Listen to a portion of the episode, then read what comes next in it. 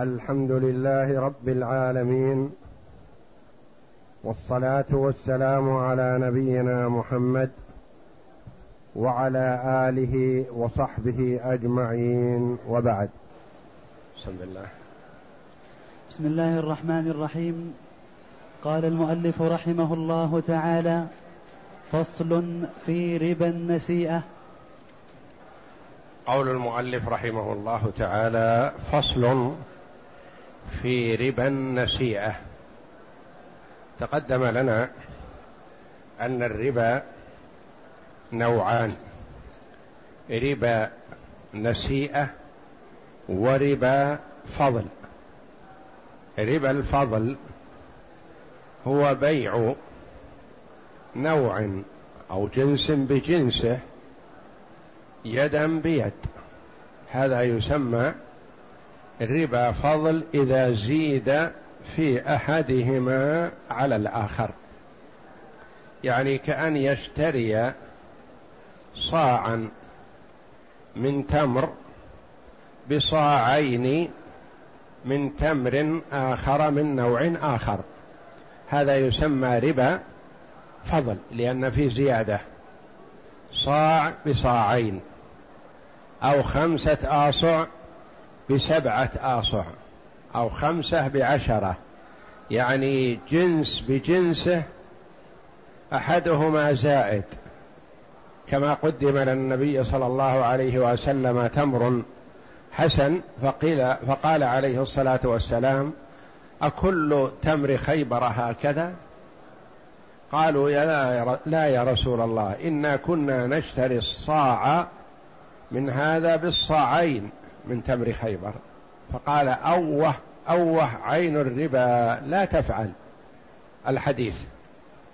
هذا يسمى ربا الفضل يعني جنس بجنسه أحدهما زائد على الآخر وإن كان يدا بيد. هذا يسمى ربا فضل. الربا النسيئة بيع جنس بجنسه بأجل أحدهما حاضر والآخر مؤجل. كان يشتري مثلا صاعا من قمح بصاع ونصف مؤجل. يقول أعطيك الآن صاع وتعطيني بعد ستة أشهر صاعا ونصف. هذا ربا فضل وربا نسيئة. ربا نسيئة فقط. يقول مثلا أعطيك الآن صاع من هذا النوع من القمح صاع ردي. وتعطيني بعد ستة أشهر صاع من القمح لكنه صاع طيب. هذا ربا نسيئه قد يجتمعان ربا الفضل وربا النسيئة. وقد يكون ربا فضل فقط بدون نسيئة. وقد يكون ربا نسيئة بدون فضل. ربا فضل ونسيئة صاع بصاعين إلى أجل. هذا ربا فضل لأنه صاع بصاعين وربا نسيئة لأن الصاعين إلى أجل. ربا فضل فقط. صاع بصاعين يدا بيد. هذا ربا فضل ما في نسيئة قد يكون ربا نسيئة فقط. صاع بصاع أحدهما مقدم والآخر مؤخر. هذا ربا نسيئه وكل هذه الثلاثة الأنواع سواء كان ربا فضل فقط أو ربا نسيئه فقط أو ربا فضل ونسيئه كلها ممنوعة.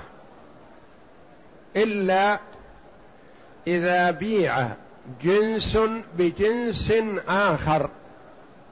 فهذا تصح فيه الزيادة بأحدهما ولا يصح التأجيل. وهذا هو موضوعنا الآن في ربا النسيئة وإن لم يكن معه فضل بل لا بد أن يكون يدا بيد فجنس بجنس قمح بأرز مثلا لا بد أن يكون يدا بيد. أما الفضل فلا بأس. لو اشتريت مثلا ثلاثة آصع قمح بصاعين من الأرز يدا بيد فلا بأس لأن هذا جنس وهذا جنس. ومثله قمح وشعير ومثله قمح وتمر. جنس بجنس آخر يجوز فيه التفاضل ولا يجوز النسى نوعان من جنس واحد يحرم فيهما التفاضل والنسى نوعان من جنس واحد يعني قمح وقمح. وإن كان أحدهما مثلا له اسم والآخر له اسم يعني أحدهما متميز على الآخر لأنه يعتبران نوع جنس واحد. مثل التمر بالتمر والتمر أنواع. تمر صاعه مثلا بريال وتمر صاعه بعشرين ريال وثلاثين ريال. فكلها تعتبر جنس واحد. ما يجوز أن يباع بعضها ببعض متفاضلا.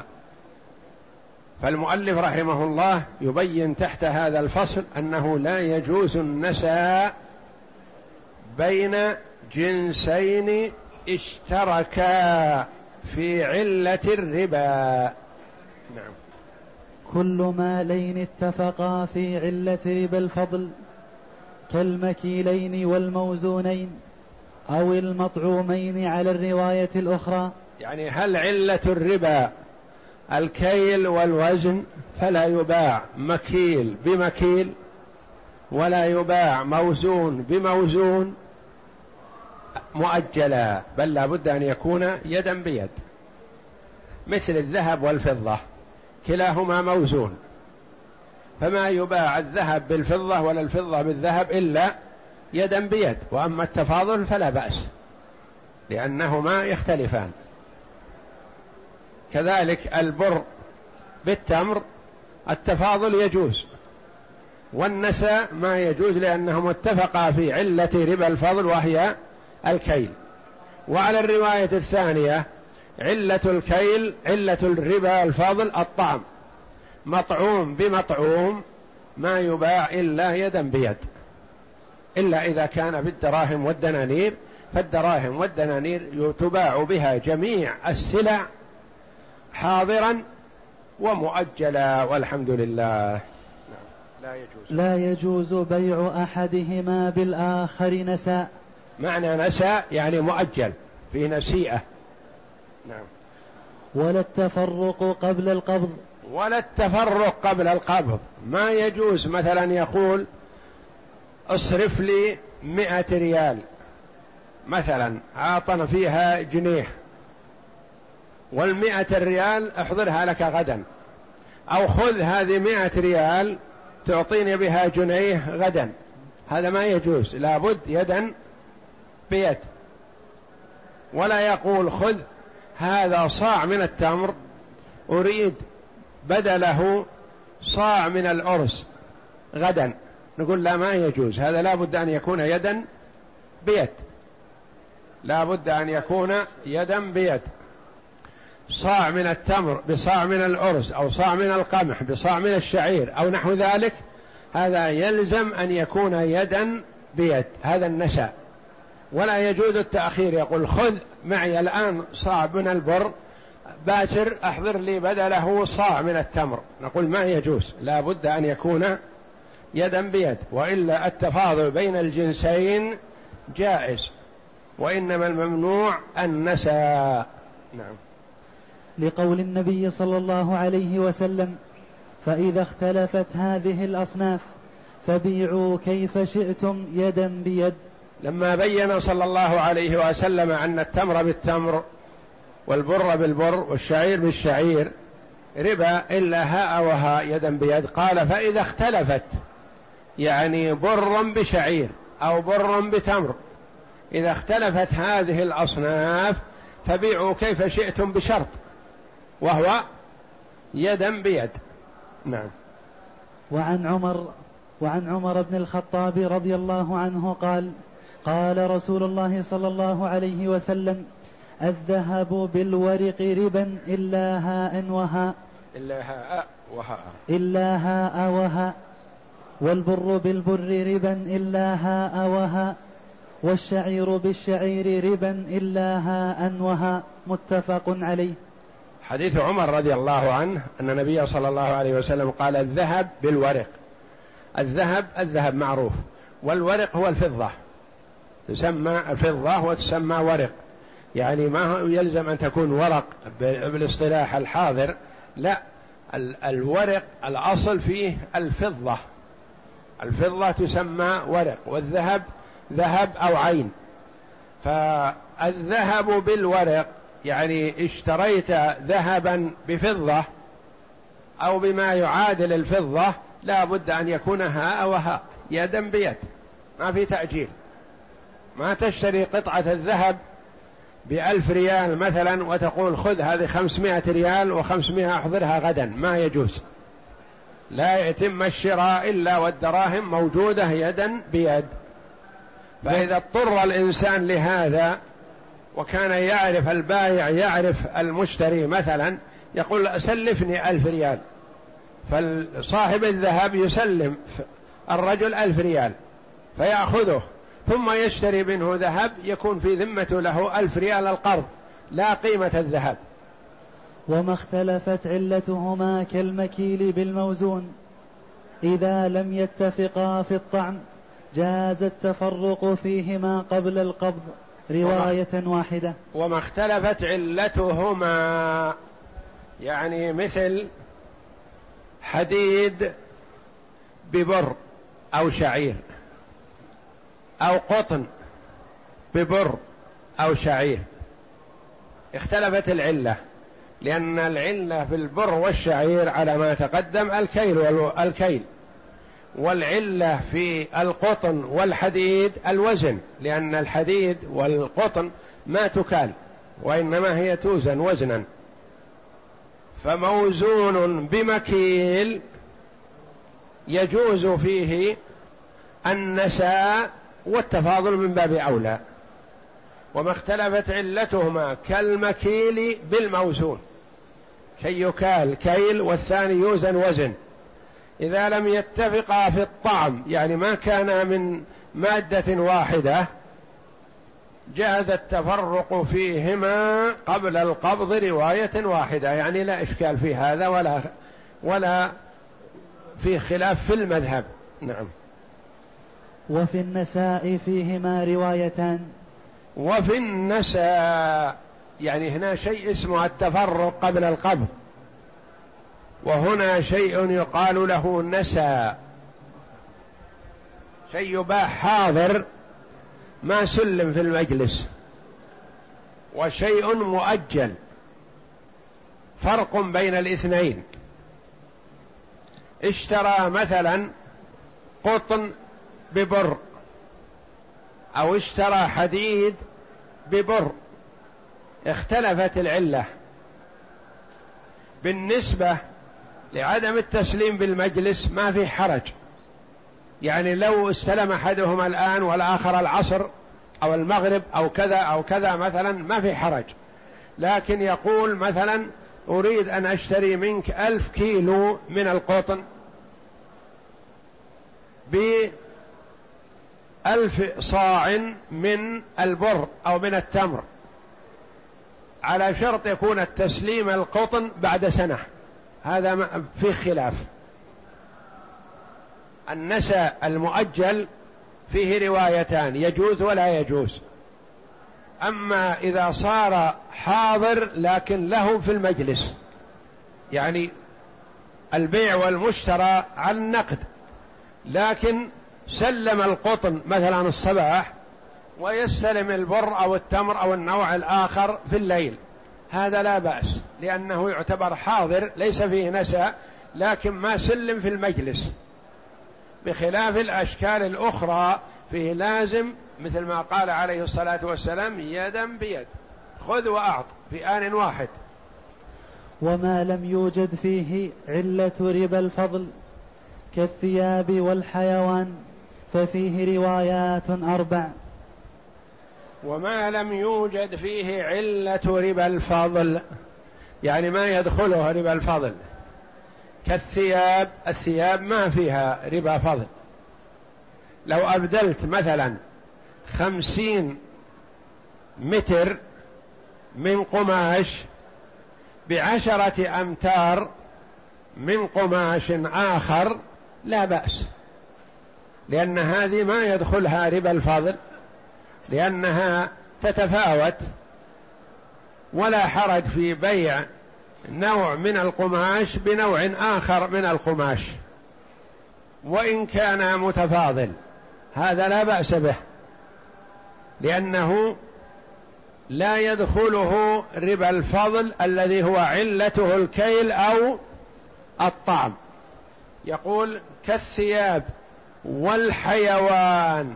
إبدال مثلا بعير ببعيرين أو شاة بشاتين أو بقرة ببقرتين ذكر وأنثى مثلا. فلا بأس بهذا على على أن فيها أربع روايات. فيما لا يدخله الربا ربا الفضل فيه أربع روايات. نعم. إحداهن يجوز النساء فيهما لما روي عن عبد الله بن عمرو قال أمرني النبي صلى الله عليه وسلم أن أستسلف أن أستسلف إبلا فكنت آخذ البعير بالبعيرين إلى مجيء المصدق. هذه الرواية الأولى وهي المشهورة وهي الأصح كما قال الإمام أحمد رحمه الله أن ما عداها فأحاديثها فيها ضعف.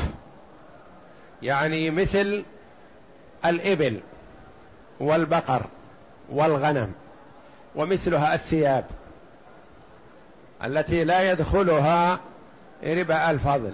يجوز فيها النساء والفضل.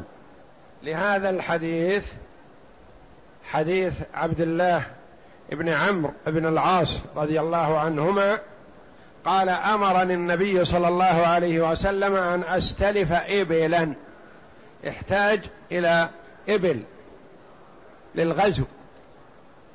فجهز ما عنده من الإبل فنفدت ما عنده وهو محتاج إلى زيادة.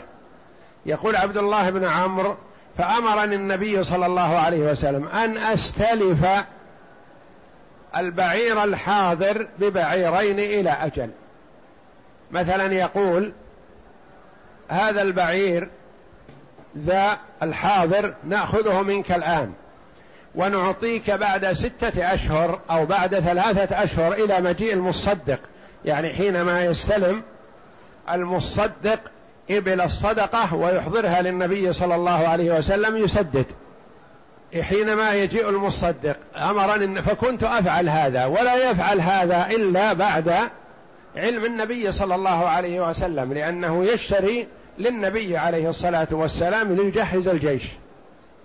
فكان يشتري له البعير الحاضر ببعيرين إلى أجل لأن هذا لا يدخله الربا. كنت أستل أستلف إبلا أستسلف إبلا فكنت آخذ البعير بالبعيرين إلى مجيء المصدق. يعني المصدق ذهب كأنه ليجمع الصدقات. والصدقات يأخذها بأعيانها يأتي بإبل وبقر وغنم وغيرها من الصدقات. فتسلم للنبي صلى الله عليه وسلم فيسلمها مثلا لعبد الله بن عمرو أو لغيره ليسدد الديون التي استسلفها. والثانية لا يجوز لما روى سمرة قال نهى رسول الله صلى الله عليه وسلم عن بيع الحيوان عن بيع الحيوان بالحيوان نسيئة.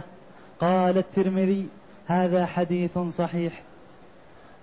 الرواية الثانية عن الإمام أحمد رحمه الله بعكس الرواية الأولى تماما. الرواية الأولى يقول يجوز النسى يجوز النسى بالإبل والحيوانات وغيرها يعني من مما لا يدخله ربا الفضل. الرواية الثانية تقول لا يجوز بدون قيد ولا شرط. الأولى يجوز والثانية يجوز. دليل الأولى هو حديث عبد الله بن عمرو.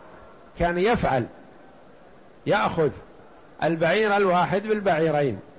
الرواية الثانية رواه حديث سمرة قال نهى رسول الله صلى الله عليه وسلم عن بيع الحيوان بالحيوان نسيئة. يعني بيع الحي... هذا له منطوق وله مفهوم. منطوقه أن الحيوان لا يباع بالحيوان نسيئة. بدون التفاضل ما في حرج. يشتري شاة بشاتين يدا بيد. وما ومفهوم الحديث هذا أنه قوله لا عن بيع الحيوان بالحيوان نسيئة أنه يجوز التفاضل إذا لم يكن نسيئة. يعني منطوقه لا يجوز نسيئة. مفهومه أنه يجوز نسيئة يجوز التفاضل إذا كان يدا بيد. نهى عن بيع الحيوان بالحيوان نسيئة قال الترمذي حديث صحيح. هذه الرواية الأولى يجوز النسى والفضل. الرواية الثانية يجوز الفضل دون النسى نعم. والثالثة يحرم النساء في الجنس الواحد لهذا الخبر ويباح في الجنسين عملا بمفهومه.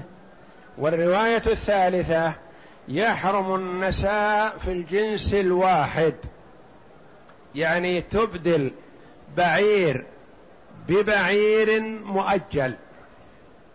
هذا ما يجوز. بعير بغنم مؤجلة بعير ببقر مؤجلة يجوز. الرواية الثانية الثالثة تقول إذا كان من جنس واحد فلا يجوز التعجيل لا يجوز النساء. وإذا كان من جنسين فيجوز. يعني تشتري بعير ببقرتين أحدهما مؤجل. لأنهما من جنسين. تشتري بعير بعشر شياه مؤجلة مثلا لا بأس لأنها جنسين. فالرواية الأولى يجوز مطلقا الرواية الثانية لا يجوز مطلقا الرواية الثالثة إذا اختلف الجنس جاز وإذا اتفق الجنس فلا يجوز النساء. نعم. والرابعة يباح مع التساوي ويحرم مع التفاضل في الجنس الواحد. ما هو الذي يباح ويحرم؟ النساء لأن الكلام فيه. والرابعة يباح النسى مع التساوي. بعير ببعير. إلى أجل. بقرة ببقرة. إلى أجل. يباح. بقرة ببقرتين إلى أجل؟ قال لا. هذا تفاضل. يباح مع التساوي ويمنع مع التفاضل. نعم. ويحرم مع التفاضل في الجنس الواحد لما روى جابر أن النبي صلى الله عليه وسلم قال الحيوان اثنان بواحد لا يصلح نساء ولا بأس به يدا بيد. قال الترمذي هذا حديث حسن. هذه الرواية الرابعة وهي يباح النساء مع التساوي بقرة ببقرة بعير ببعير شاة بشاة يباح. شاة بشاتين شاة بقرة ببقرتين لا يباح إلا إذا كان يدا بيد. يعني يقول مثلا هذه البقرة ذات قيمة من خيار البقر. من يريدها ببقرتين صغيرة يدا بيد هذا لا بأس. بقرة ببقرتين بدون نسى أما إذا كان نسى فهو ممنوع. إذا الروايات أربع. يجوز ولا يجوز؟ ويجوز ويجوز في الجنسين. ويجوز مع التساوي ويمنع مع التفاضل. أربع روايات عن الإمام أحمد في بيع الحيوان بالحيوان. وأصح الروايات وأقواها هي الرواية الأولى لأن فيها فعل. فعل عبد الله بن عمرو رضي الله عنهما للنبي صلى الله عليه وسلم. كان يستلف البعير بالبعيرين ثم إذا جاءت إبل الصدقة سدد فالرواية الثالثة الأولى هي أقواها وهي التي قال عنها الإمام أحمد هي حديثها أصح الأحاديث. نعم. وعن ابن عمر أن رجلا قال يا رسول الله أرأيت الرجل يبيع الفرس بالأفراس والنجيبة بالإبل؟ فقال لا بأس إذا كان يدا بيد. رواه أحمد في المسند. هذه دليل للرواية الرابعة. أنه يبيع الفرس بالأفراس. يعني فرس مشهور بالسبق والقوة وكذا وكذا يبيعه بثلاثة أفراس أو أربعة أفراس مثلا. ويبيع الجمل مثلا بثلاثة حواشي أو أربع حواشي مثلا. لا بأس بهذا وفي هذه الرواية إذا كان يدا بيد. هذا دليل للرواية للرواية الرابعة عن الإمام أحمد. نعم. ولا خلاف في جواز الشراء بالأثمان نساء من سائر الأموال موزونا كان أو غيره لأنها رؤوس الأموال فالحاجة داعية إلى الشراء بها نساء وناجزا هذه قاعدة عامة مستقلة يقول ولا خلاف في جواز الشراء بالأثمان نساء من سائر الأموال. الأثمان ما هي؟ الذهب والفضة وما ينوب عنهما. يعني تشتري التمر بدراهم حاضر أو مؤجل. تشتري البر بدراهم حاضر أو مؤجل. تشتري الشعير مثلا بذهب حاضر أو مؤجل لا بأس. تشتري القطن الحديد النحاس كل شيء إلا الأثمان بالأثمان. الذهب بالفضة لا. أما الشراء بالثمن الذي هو الذهب والفضة أي شيء تشتريه يجوز فيه الحاضر والمؤجل والحمد لله. أي شيء تشتريه وهذا هو ما نوه الله جل وعلا عنه في كتابه العزيز يا أيها الذين آمنوا إذا تداينتم بدين إلى أجل مسمى فاكتبوه لأن الدين هو أن يكون الشيء شيء حاضر وشيء مؤجل. فيشتري البيت مثلا بحاضر يشتري البيت بمؤجل يشتري السيارة مثلا بحاضر يشتريها بمؤجل لكن ما يجوز أن يقول خذها مثلا بخمسين حاضرا وبخمسة وخمسين مؤجلة وأنت بالخيار شهر. نقول له هذا ما يجوز. ما يصح أن يتفرق إلا على اتفاق حاضر أو مؤجل. فعلى هذا مثلا البيع هذا الذي يسمونه التأجير منتهٍ بالبيع أو العكس هذا ما يجوز لأنهم يتفرقون لا على بيع ولا على تأجير ما اتفقوا على شيء معين بل لا بد أن يتفقوا. ومثل ذلك القيمة حاضر أو مؤجل مثلا يقول خذ هذه السيارة بخمسين ألف إن أتيت بالمبلغ اليوم أو غدا أو بعد غد وإن لم تأتي به خلال ثلاثة أيام أو أسبوع فتكون حينئذ بخمسة على البيع وهل القيمة حاضرة أو مؤجلة؟ والحاضر سواء سلم في المجلس يقال له حاضر أو هو يسلم خلال يوم أو يومين يسمى حاضر كذلك. إنما المؤجل هو الذي ذكر له أجل ممتد سواء كان قريب أو بعيد أو مقسط مثلا شهريا كذا. فصل. فإن تفرقا قبل القبض فيما يشترط القبض فيه بطل العقد. هذا فيما يشترط فيه القبض ولم يتم. ما الحكم؟ اشترى ذهب مثلا بألف ريال وأخذ الذهب وقال الدراهم احضرها غدا. نقول هذا البيع غير صحيح. والعقد هذا فاسد. ولا يحل للرجل أن يستعمل الذهب هذا لأنه أخذه على بيع غير صحيح. فيعيده إلى صاحبه سواء زاد الذهب أو نقص الذهب. فلا يحل لأن عقد الذهب يشترط فيه التقابض ذهب بفضة. فما يشترط فيه القبض لا بد أن يكون القبض في المجلس. مثلا اشترى خمسين صاع من الرطب بستين صاع من الشعير مثلا. لا بد أن يسلم هذا وهذا يدا بيد. فإن سلم أحدها ولم يسلم الأخرى فالبيع باطل. يكون من أخذ أحدها مثلا فلا يحل له التصرف فيه لأنه أخذه بعقد فاسد. وإن تفرقا قبل قبض بعضه بطل في غير المقبوض. وفي المقبوض. وفي المقبوض وجهان بناء على تفريق الصفقة.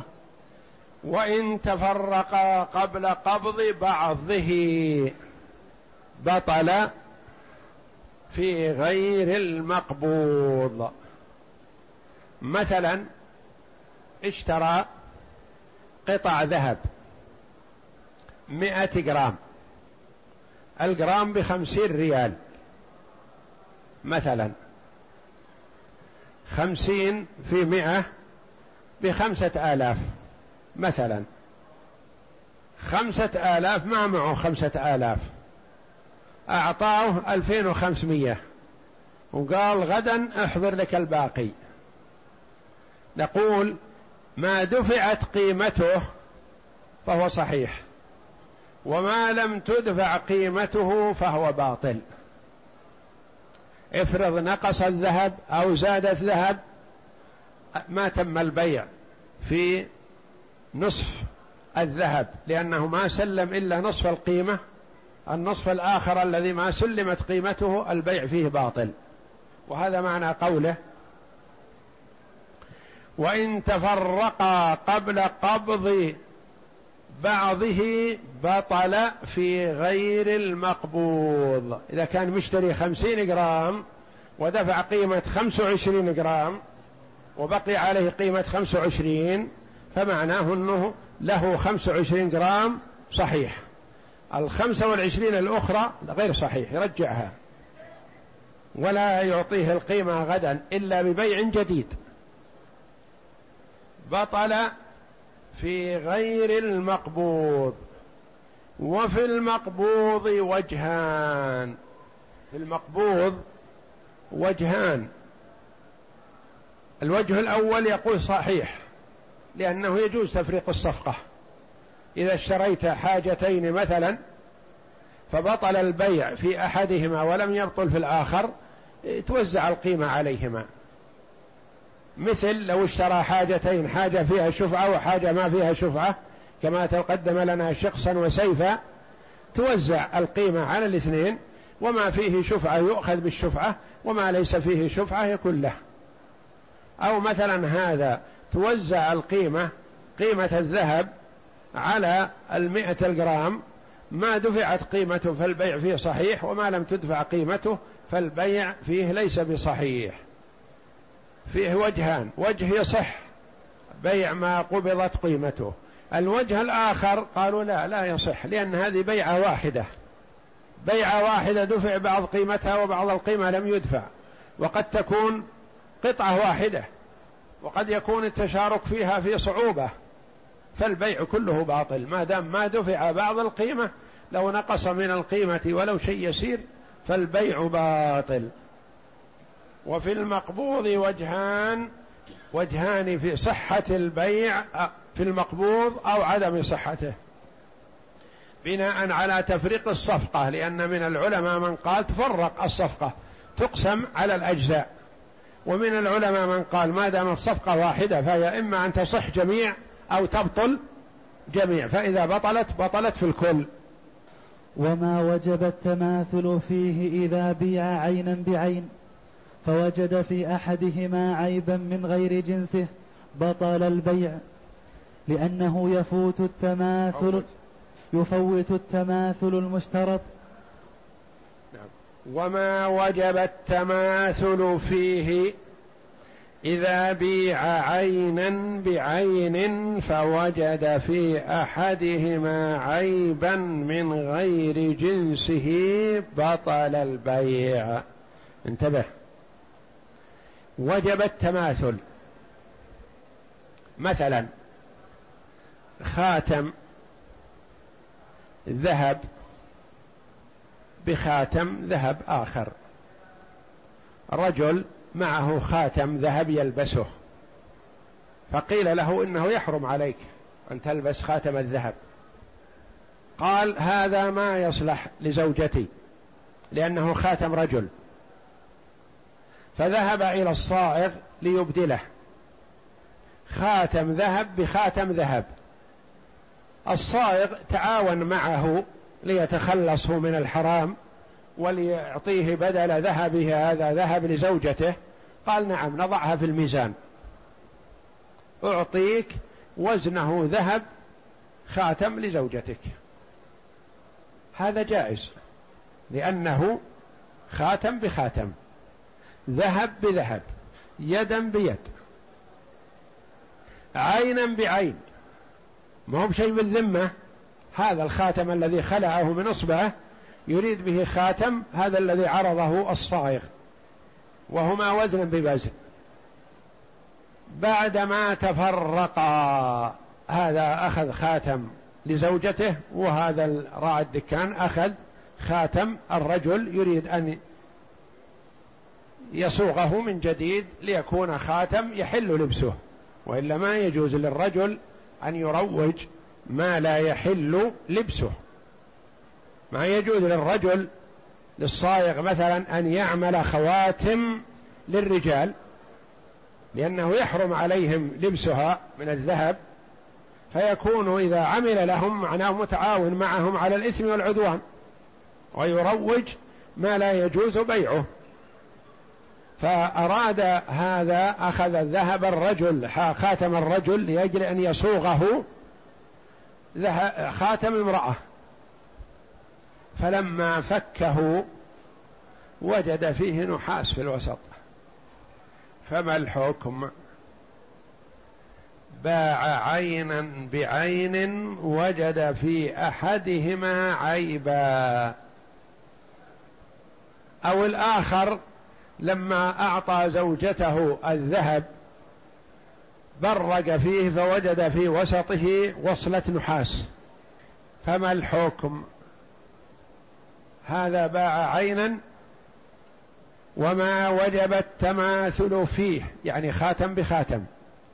إذا بيع عينا بعين خاتم بخاتم هذا بهذا. فوجد في أحدهما عيبا من غير جنسه بطل البيع.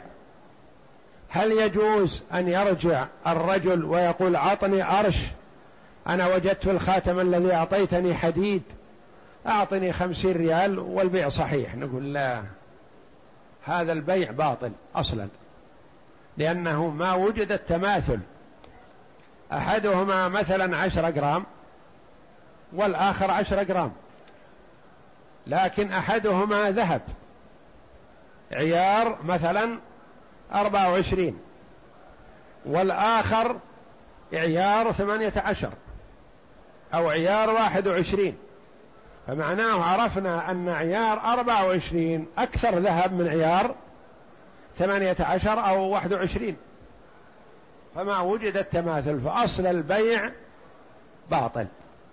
هذا معنى قول المؤلف رحمه الله. وما وجب التماثل فيه إذا بيع عينا بعين فوجد في أحدهما عيبا انتبه من غير جنسه يؤثر فيه.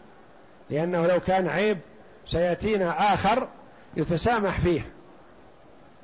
في أحدهما عيبا من غير جنسه يعني وجد فيه نحاس أو وجد فيه حديد أو وجد فيه نيكل أو وجد فيه حجر من غير جنسه. بطل البيع. ما يقول أعطني أرش أو أعطني عشرين ريال أو ثلاثين ريال ونصحح البيع. نقول أصل البيع غير صحيح لأنه بيع ذهب بذهب غير متماثلين مختلفين.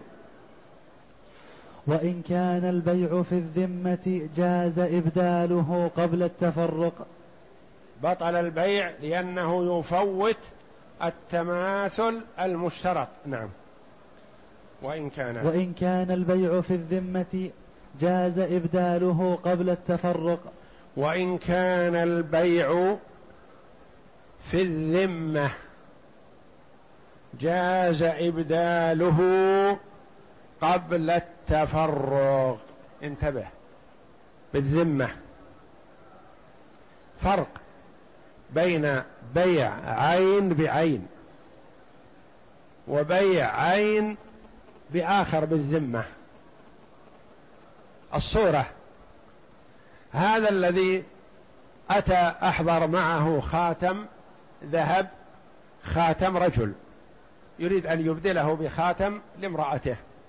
جاء إلى صاحب الدكان فقال معي هذا الخاتم. أريد أن تزل لي عليه أن تزن لي عليه ذهب امرأة خاتم امرأة. لأني عرفت أن خاتم الذهب للرجل حرام. وأنت جزاك الله خيرا أعني على هذا والرجوع عن الحرام فأعطني مثله وزنه خاتم امرأة لتلبسه زوجتي. فقال نعم أنا أساعدك على هذا وإن كان مالي مصلحة لكن معاونة لك علشان ما تلبس أنت خاتم الذهب لأنه حرام. فاستدنى واحد من الدالوب ووضعه في الميزان فوزنه فإذا هو مثله في الميزان سوا بسواء فأعطاه إياه. قال هذا الرجل بصير بالذهب برق بالخاتم فإذا فيه حديد في الوسط أو نحاس ما حكم هذا البيع؟ هل نقول بطل أو له أن يبدله بآخر سليم؟ البيع إلى الآن ما بطل. لأنه ما حصل تفرق وأبدله بسليم في الحال. فالبيع صحيح. لأن الرجل الذي أراد أن يبدل خاتمه بخاتم ما له غرض في خاتم معين؟ ما قال هذا بالخاتم الذي معي. قال أريد أن تبدل لي هذا الخاتم بخاتم ذهب. يعني, يعني أي خاتم ذهب. ما اتفقوا على عين معينة. نقول البيع والشراء على هذا الخاتم. البيع والشراء على خاتم يصلح للمرأة أيا كان. واضح الفرق بينهما. عين بعين يعني معي هذا الخاتم بيدي. أريد هذا الخاتم المعلق. هذا يسمى عين بعين. خاتم معين وخاتم الرجل معين. عين بعين. هذا إذا تبين في أحدهما عيب بطل البيع لأنه ما في تساوي. خاتم مع الرجل. بأي خاتم من هالمعروضات هذه؟ ما يهمه يعني الأعلى أو الأسفل المهم أن يكون خاتم وزن خاتمه هذا. هذا يكون شرى اشترى ذهب ليس معينا. فإذا تبين في الآخر عيب فله إبداله بآخر ما دام في المجلس. لأنه ما له غرض بهذا الخاتم الذي هو رقم عشرة. سواء تعطيني يقول رقم واحد أو رقم ثلاثين. المهم أنا أبي خاتم وزن خاتمي هذا لا زيادة ولا نقص. أي شكل تريد؟ يقول أي شكل ما يهمن أي واحد. المهم ذهب خاتم امرأة.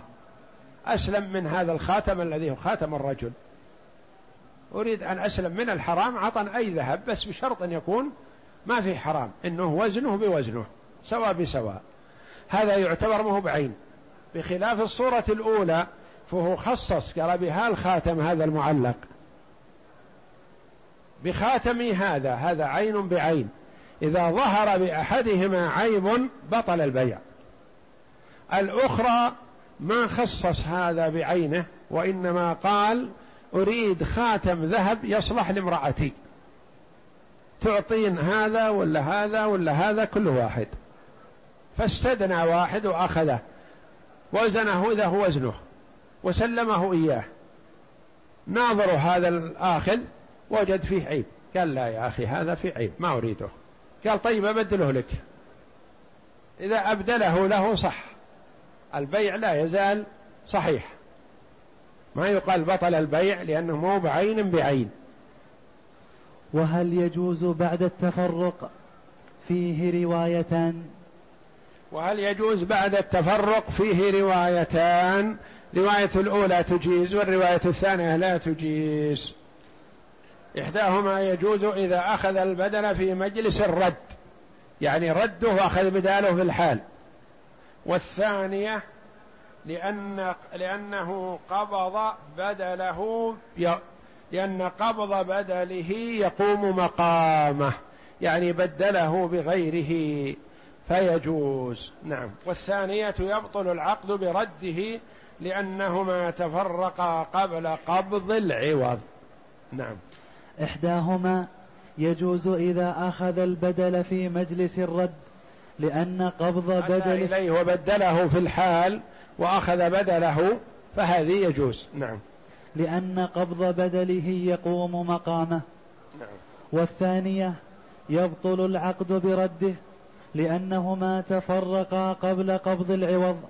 لأن القبض الأول غير صحيح. القبض الأول قبض معيب. وتفرقا قبل القبض الصحيح فيبطل البيع. نعم.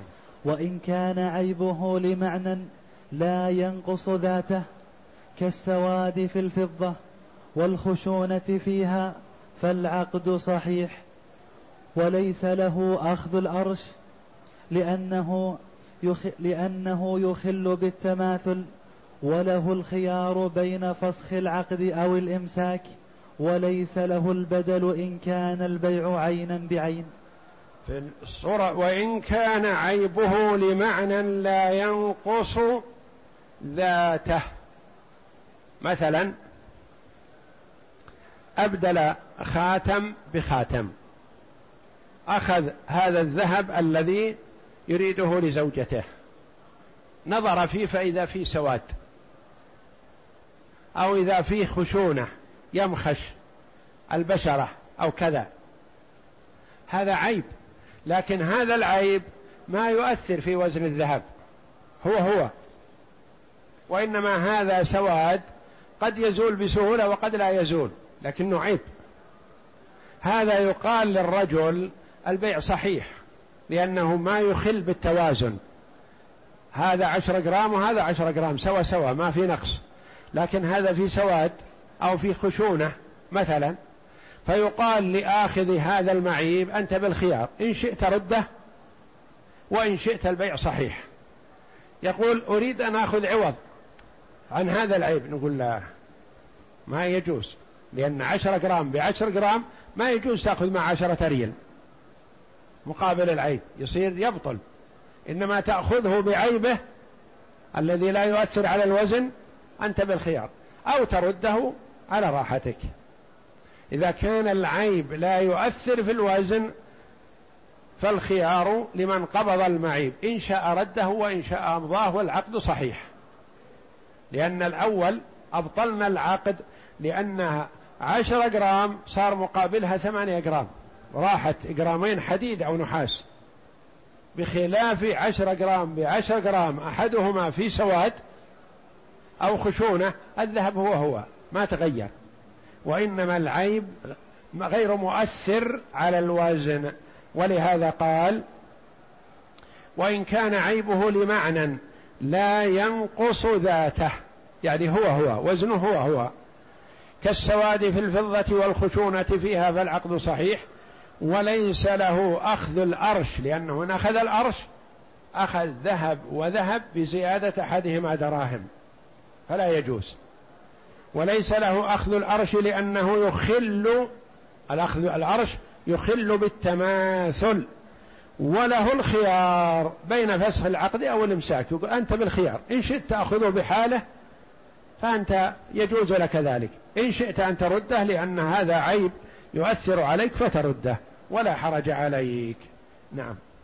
وليس له وليس له أخذ الأرش لأنه يخل بالتماثل وله الخيار بين فسخ العقد أو الإمساك. نعم. وليس له. وليس له البدل إن كان إن كان البيع عينا بعين. وليس له البدل إن كان البيع عينا بعين. يعني هو مخصص هذا الخاتم بهذا الخاتم. هذا ما يبدله. وأما إن كان غير مخصص فله أن يبدله كما تقدم. نعم. وإن كان البيع في الذمة فحكمه حكم الق... حكم القسم الذي قبله. نعم. لأنه يجوز إبداله كما تقدم. يعني ما خصص خاتم معين وإنما قال أريد أن تبدل لي هذا الخاتم بخاتم آخر. فأعطاه خاتم فتبين أن فيه سواد أو فيه خشونة. فأبدله بغيره فلا بأس والبيع صحيح. نعم. فأما ما لا يجب التماثل فيه فخاتم فضة بخاتم ذهب. فأما ما لا يجوز ما لا يؤثر التماثل فيه لا يخل فله فله أخذ أرشه. مثلا قال معي خاتم الذهب هذا أريد فيه خاتمين من فضة. قال لا بأس. فأعطاه خاتمين من الفضة وأخذ خاتم الذهب. لما نظر في خاتمي الفضة وجد في أحدهما عيب. قال هذا واحد معيب.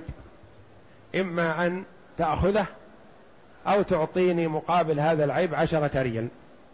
فلا بأس لأن هذا لا يخل لا يلزم التماثل فيه. يقول ترجع من القيمة كذا. نعم. لأن التفاضل فيه. فأما ما لا فأما ما لا يجب التماثل فيه. كالذهب والفضة والبر بالشعير ونحوها. حنا مثلنا بالذهب ونحوه لأنه أيسر وأسهل وهو الأكثر استعمالا بخلاف بيع صاع من التمر بصاع آخر. هذا يقل. نعم. فله أخذ أرشه لأن التفاضل فيه جائز. وحكمه فيما سوى ذلك حكم ما قبله.